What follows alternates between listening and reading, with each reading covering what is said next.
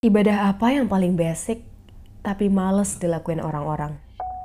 Ringan, singkat, bentaran, tapi berat dilakuin banyak orang. Ibadah apa yang selalu manggil tiap hari dengan lima kali ajakan, ayo kita menang, tapi tetap aja kita nggak tertarik buat menang. Yap, sholat, sholat. Sesuatu yang kita lakuin berulang-ulang tiap hari, baik dengan hati atau dengan paksaan, dengan sukarela ataupun dengan gak rela.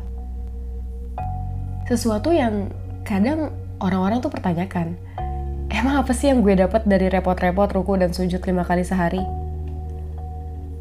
Di zaman sibuk jadi gaya hidup dan cuan jadi sesuatu yang gak pernah cukup, di zaman cahaya spiritual sering redup dan hal itu nutup kebaikan dalam hidup, tanpa sadar itu semua bikin kita jadi salah kejar, salah prioritas.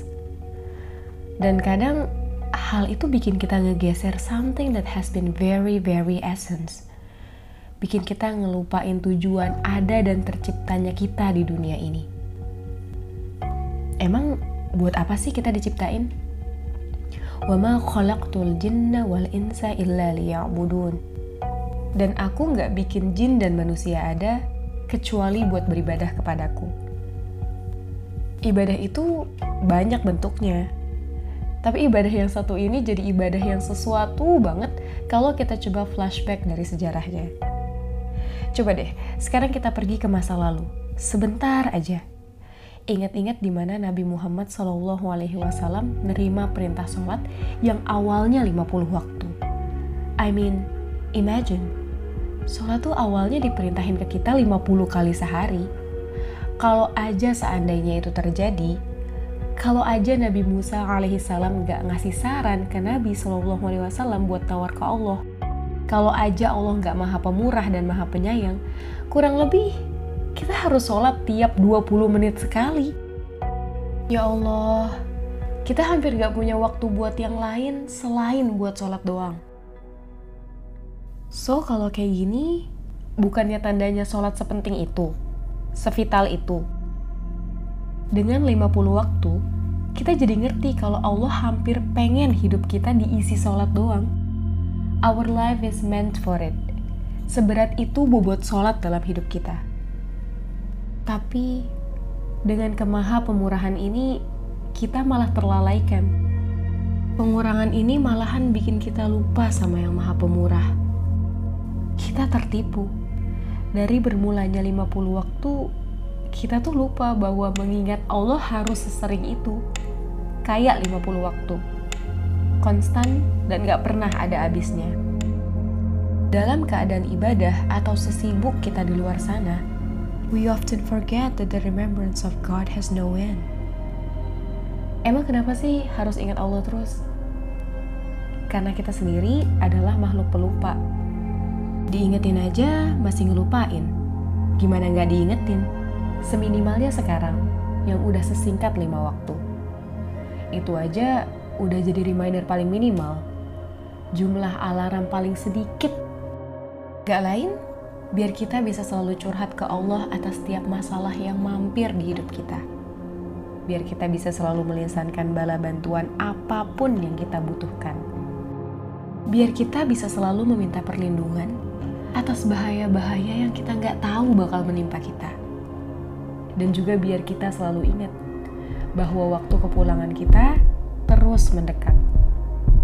Lambat laun, kita bakal dijemput malaikat maut. Tapi lagi-lagi, sholat yang teringankan atas besarnya cinta dan kasih sayang Allah has always been taken for granted. Banyak di antara kita yang mikir, sholat itu kegiatan sia-sia yang gak ngasih efek apa-apa.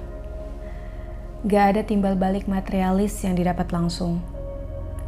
Kita pikir sholat itu sejenis hidangan yang bisa dipilih-pilih sesuka hati. Mana yang mau diambil, gak diambil pun gak ada rasa-rasa bersalahnya. Kita pikir kerjaan, nafsu, target, ambisi, semualah yang nomor satu. Sebaliknya, kita berkutat di sesuatu yang gak pernah Allah suruh. Kita ngerasa Sholat gak sepenting kerjaan, gak sedarurat meeting, gak sevital deadline, gak seserius tugas, dan sebagainya. Ya Rob, andai kita semua tahu ini. Abu Hurairah radhiyallahu anhu berkata, Rasulullah shallallahu alaihi wasallam bersabda, Sesungguhnya amal yang pertama kali dihisap pada seorang hamba pada hari kiamat adalah sholatnya. Maka jika sholatnya baik, sungguh ia telah beruntung dan berhasil. Dan jika sholatnya rusak, sungguh ia telah gagal dan rugi.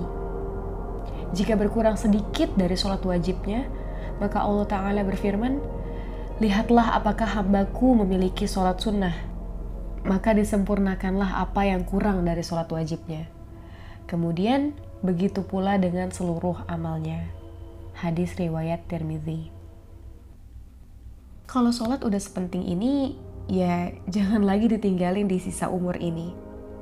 Emang sih ada waktu di mana masa lalu, situasi, trauma, dan dosa bikin kita ngerasa nggak worth it buat ngejalanin hubungan dengan Allah, tapi percaya deh, even we have broken thousand promises, even when the pain is too much to bear, no matter how big the storm we are facing, how bad we mess up, how painful life becomes, pintu memperbaiki diri dan merapikan sholat selalu dan selalu terbuka buat kita.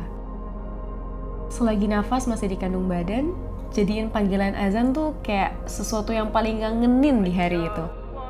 Dan jadiin sholat itu momen indah perjumpaan kita sama zat yang paling nyayangin kita.